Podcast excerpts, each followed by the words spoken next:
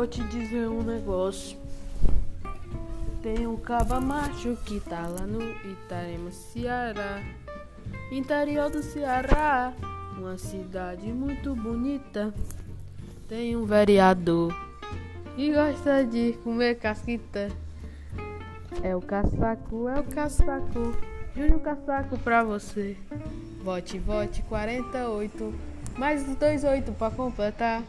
O número é 40 888 4004, não sei o que, não sei o que, não sei o que.